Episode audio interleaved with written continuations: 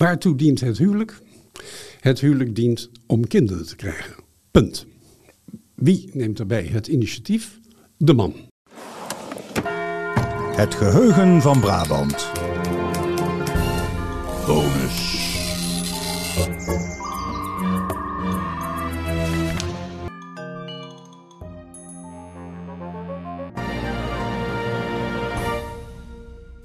Je luistert naar een bonus bij onze aflevering over meneer Pastoor. Marilou praat nog even verder met René Bastiaanse, oud-directeur van de BAIC, die intussen geniet van zijn pensioen, maar zeker niet stil zit en druk bezig is met een onderzoek naar de katholieke huwelijksmoraal.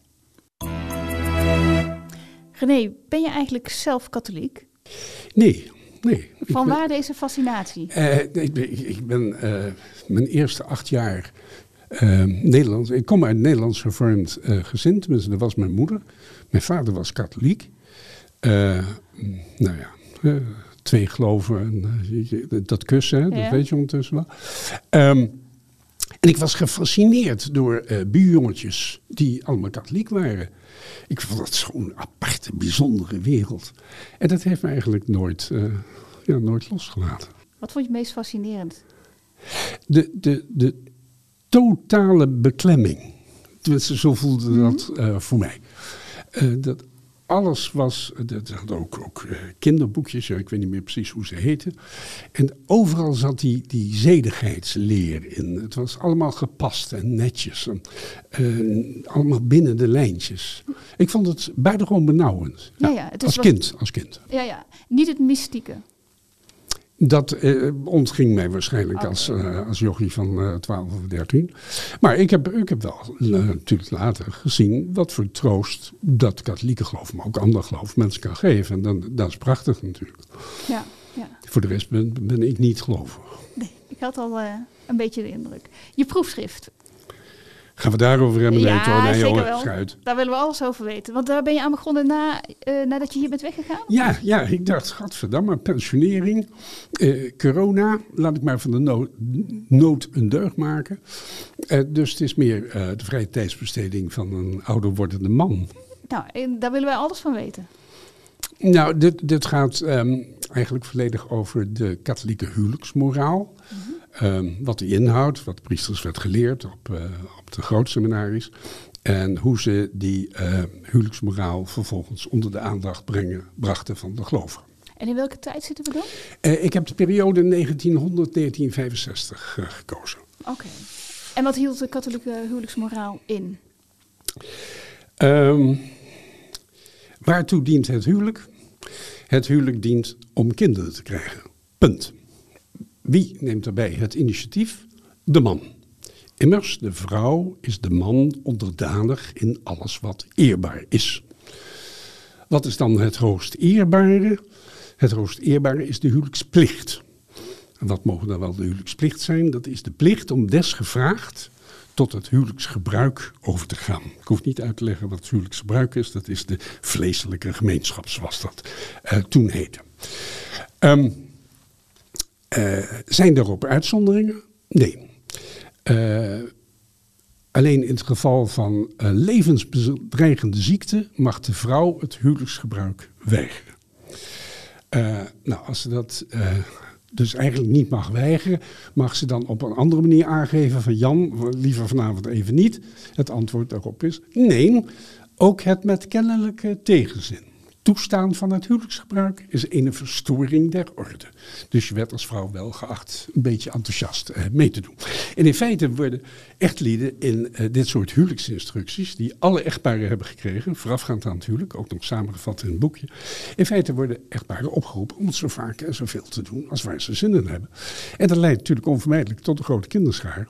Waar hij zin in heeft eigenlijk. Wat zei je? Waar hij zin in heeft. Maar ja, waar hij zin in heeft. Ja, ja dat, dat, zo moet je het ook echt zien. Het is werkelijk volledig patriarchaal. De vrouw is de man onderdanig in alles. Dat, dat is ook zo. Dat is ook haar plek. Beetje SGP-achtig.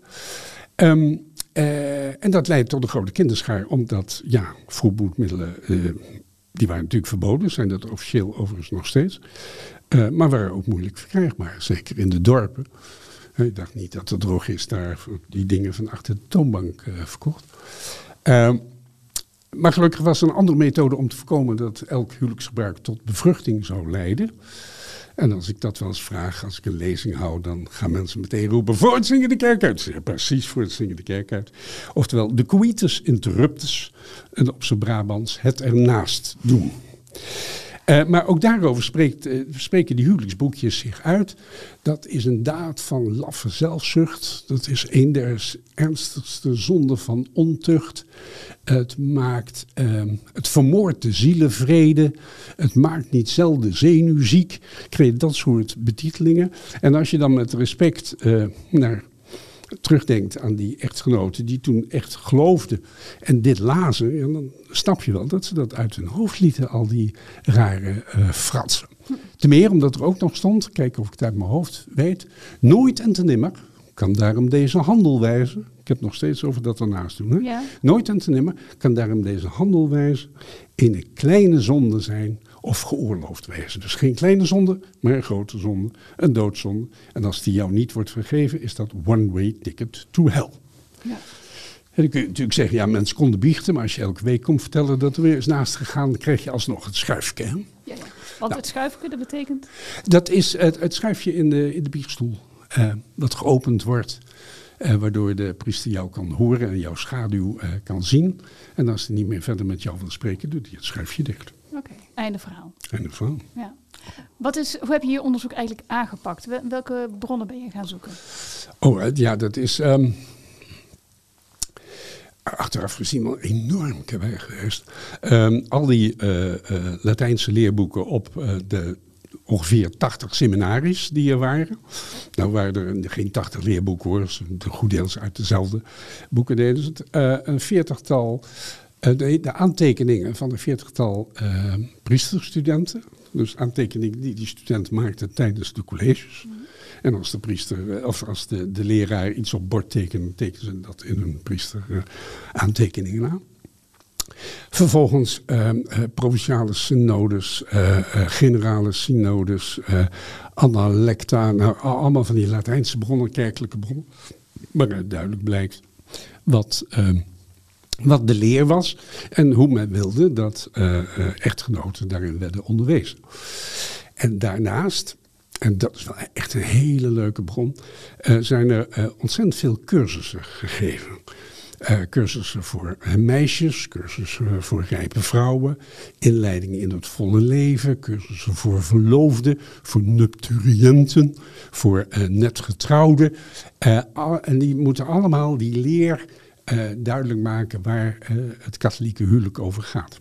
En wie gaven die cursussen dan? En tot de Tweede Wereldoorlog zijn dat vooral priesters. Maar, en ik hoop dat ik dat heel snel kan duidelijk maken wat ze uh, zeg maar jaren 40 bemerken, is dat ze door die hele strenge leer ervoor hebben gezorgd dat het huwelijk in de meeste gevallen een soort afwerkplek uh, voor de man is geworden. En de vrouw het afvoerputje, als ik het zo mag zeggen. En ook met een ongelooflijke preutsheid, omdat er helemaal geen seksuele voorlichting werd gegeven. En zeggen ze dan, de liefde is eigenlijk uit het huwelijk verdwenen. Wat ze deels zelf hebben veroorzaakt. En dan gaan ze uh, uit een ander vaatje tappen. En dan gaan ze proberen duidelijk te maken in al die cursussen uh, dat liefde het centrale uh, punt is in, in het huwelijk. En dat ehm, de coitus daarvan de bevestiging moet zijn. Maar dat betekent dus dat de man zijn egoïsme moet uh, verliezen. En ik zal je alle details besparen, maar uitvoerig zijn dan de instructies voor de man hoe hij de vrouw moet inleiden in het seksuele leven. Hij moet haar gereed maken. Hij moet haar um, uh, gevarieerd um, aaien. Uh, likken, alles, alles is toegestaan. Opdat zij in de stemming komt. En als zij bijna haar hoogtepunt bereikt, dan moet zij de man een teken geven, want dan mag hij penetreren, zoals dat heet. En dan is er een vermoeden van uh, gelijktijdig orgasme. Want dat is de bedoeling. En dat heeft echt een hoge doel hoor. Om samen in die verrukking één te zijn en daardoor dichter bij God. Ik weet niet of alle mensen zich dat realiseerden als ze in bed lagen. Maar, uh, en dan zie je dat er een, een buitengewoon grote aandacht is voor de ars amandi, hè, voor, voor de liefdeskunst. En in al die cursussen gaat het daarover. En dan is waar vroeger een verloving ja, toch de periode was dat je ver van elkaar af moest blijven, wordt dit dan de periode van ontmoeten en ontdekken. En dan is natuurlijk de vraag, ja, wat mag er dan lichamelijk? Uh, wat de hand doet, is goed. Met andere woorden, dan mag er gefrut en gefrot worden. Maar allemaal met het achterliggende doel dat uh, aanstaande echtgenoten elkaar beter leren kennen en dat ze tot een beter huwelijksbesef uh, komen. En dat gebeurt allemaal eigenlijk al vanaf begin jaren 50. Dat is dus tamelijk progressief. Maar ja, daarmee bereiken ze wel de jongere uh, huwelijken, of de jongere echtgenoten. Maar niet de echtgenoten die al 10, 20, 30 jaar getrouwd zijn. Waarvan vele vrouwen ook zeggen, ik, het huwelijk is mooi, maar ik wou dat het bed er niet bij was. Hè? Zo. Ja. Um, dat wordt dan echt een, een probleem. Uh, en dan hoort op een gegeven ogenblik de, het verbod op uh, de coitus interruptus, een verbod op de voorbehoedmiddelen. Ja, dat gaat dan contraproductief werken. De katholieke echtgenoten komen in gewetensnood en die, die, ja, die willen dat echt gebruiken. En dan zie je in toenemende mate priesters die dat goedkeuren. Dat gebeurt in de tweede helft van de jaren 50. En even kort door de bocht mag je zeggen dat priesters, de vooruitstrevende priesters, eind jaren 50 met hun opvattingen over voorbehoedmiddelen, maar ook opvattingen over zelfbevrediging, over homoseksualiteit, in feite de voorlopers zijn van de seksuele revolutie in de jaren 60. Ze zijn erin echt buitengewoon uh, verlicht en uh, tolerant. En voorlopers hebben ze dan ook nog een rol in het uh, ontstaan, in de aanzet tot de, tot de jaren zestig? Of moet je dat los van elkaar zien? Nou, ze, de, zij voelen dat klimaat be beter aan. Uh, uh, en in zoverre zijn ze voorbereiders. maar op een gegeven moment krijgt dat zijn eigen dynamiek. Hè? Ja, ja. Denken meisjes, hey, mijn rokje mag korter. En jongens denken van mijn kleding mag anders. En dan, dan uh, is die invloed van, van het christen of van de katholicisme ook niet meer. Maar in het gedachtegoed zijn die uh, priesters een tijd ver vooruit. Ja. Een meerderheid van de priesters zelfs. Wat heeft je het meest verbaasd uh, bij het doen van je onderzoek? Iets waar je tegenaan bent gelopen of iets wat je nog niet wist? Het, het, de, de enorme, ehm, nou ja, de manier van redeneren, de casuïstiek. Um, het, die moraalhandboeken uh, gaan allemaal om wat is goed, wat is fout, wat is laakbaar en wat is aanbevelenswaardig. En die lijnen moeten scherp getrokken worden. Uh, dan kun je bijvoorbeeld zeggen, nou ja, iemand vermoorden mag niet. Maar stel nou voor dat als je niet iemand doodt, jijzelf gedood wordt. Dan wordt het anders. Ik mag niet stelen, maar stel voor dat ik anders van honger omkom, mag ik dan wel stelen. Dus er wordt al die, al die grenzen worden heel nauwkeurig bekeken. Misschien kan ik dat het beste demonstreren aan de hand van Godverdomme. Uh, hè, een echte Hollandse vloek. Ja, door, door uh, heel veel theologen werd dat gezien als uh, godslastering. Maar je kunt dat ook zien als Deus, dan net mee. Dus God verdoeme mij. Dus dan gaat het niet over God zij verdoemd, uh, en, zo wordt heel precies de grenzen tussen zonde en doodzonde, of, de doodzonde en gewone zonde, uh, wordt proberen te onderscheiden. En dat gebeurt buitengewoon scherpzinnig, maar gaat op een gegeven moment ook wel een, ja, los van alle realiteitszin. Um, maar een voorbeeldje, uh, onschuldig voorbeeldje, je hebt bijvoorbeeld het vagevuur. Dat is voorafgaand dat je naar de hemel toe gaat. Uh, geen mens weet hoe lang dat vagevuur duurt. En toch houden priesters zich daarmee bezig. Duurt dat weken, duurt dat maanden, duurt dat jaren. En er worden uitvoerige epistels overgeschreven. Allemaal ontzettend uh, scherpzinnig. Um, en zo ook op seksueel gebied. Um, je kunt je voorstellen dat, mag, mag het grof zijn, ja. zo staat het in de boek. Je kunt je voorstellen dat anaal uh, seksueel verkeer, dat dat verboden is. Maar stel nou voor uh, dat een man dat als voorspel gebruikt.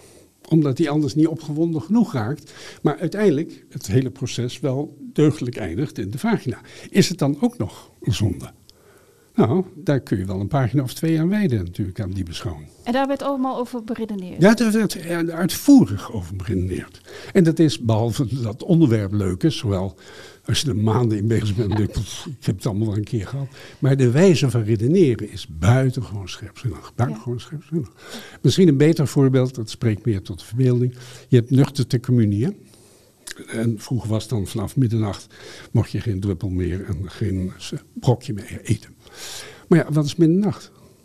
Wanneer is middernacht? Is dat bij de eerste klokslag of bij de laatste? Ja, dat, dat maakt natuurlijk wel uit. Hè? Ja. Eh, en als, ehm, het is overigens bij de eerste.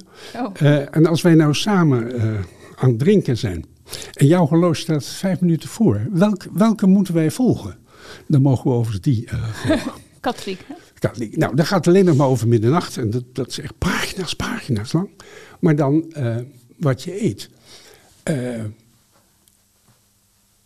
het, zal, het zal duidelijk zijn eh, als je. nou, neem draadjesvlees. Draadjesvlees. Dat wil wel eens loskomen na middernacht. Zit je opeens met een stuk vlees in je mond. Moet je dat dan doorslikken of moet je dat uitspugen? Dat mag je doorslikken, want het zat er, het zat er al in. Oh. Het zat er al in. Maar ja, als je nou op je lip bijt en er is bloed. Dat bloed, dat werkt ontnuchterend. Dan hangt het vanaf waar dat sneetje zit. Als het aan de binnenkant van je lip zit, dan mag je het doorslikken. Als het aan de buitenkant van je lip zit en je likt dat zo af, dan ben je wel ontnuchterd. En wat doe je met een sneeuwvlokje en een regendruppeltje? Nou, heel precies, tot, tot, werk, tot het gaatje aan toe, Ja. om die uitdrukking maar eens te gebruiken. Ja. En eigenlijk eh, in mijn ogen dan volledig los van waar het katholieke geloof ooit om moet zijn gegaan. volstrekt losgezongen van, van de, eh, de werkelijkheid. Eh, helemaal gericht op precies de grenzen te willen weten. En het, het meer eh, spirituele deel van het geloof, en ook bemoediging en troost, waar ik het net over had, dat wordt dan volledig vergeten. Hoe lang ben je ermee bezig geweest? Twee jaar, Is het klaar? het is klaar. En eh, hoe, gaat het, hoe wordt het afgerond? Ja, met, met een promotie. Ja, het liefst eh, laat ik het gewoon eh, per post naar huis sturen, maar dat kan niet. 27 augustus. Oké. En hij staat in je agenda? Ja, ik heb het in mijn agenda staan, ja. Of, of 26 augustus, weet ik niet meer. Ja, Eind augustus. eind augustus. We het op. Hartstikke fijn dat je er was, René. Graag gedaan. Bedankt voor je verhalen. Je luisterde naar een bonus bij onze aflevering over meneer Pastoor.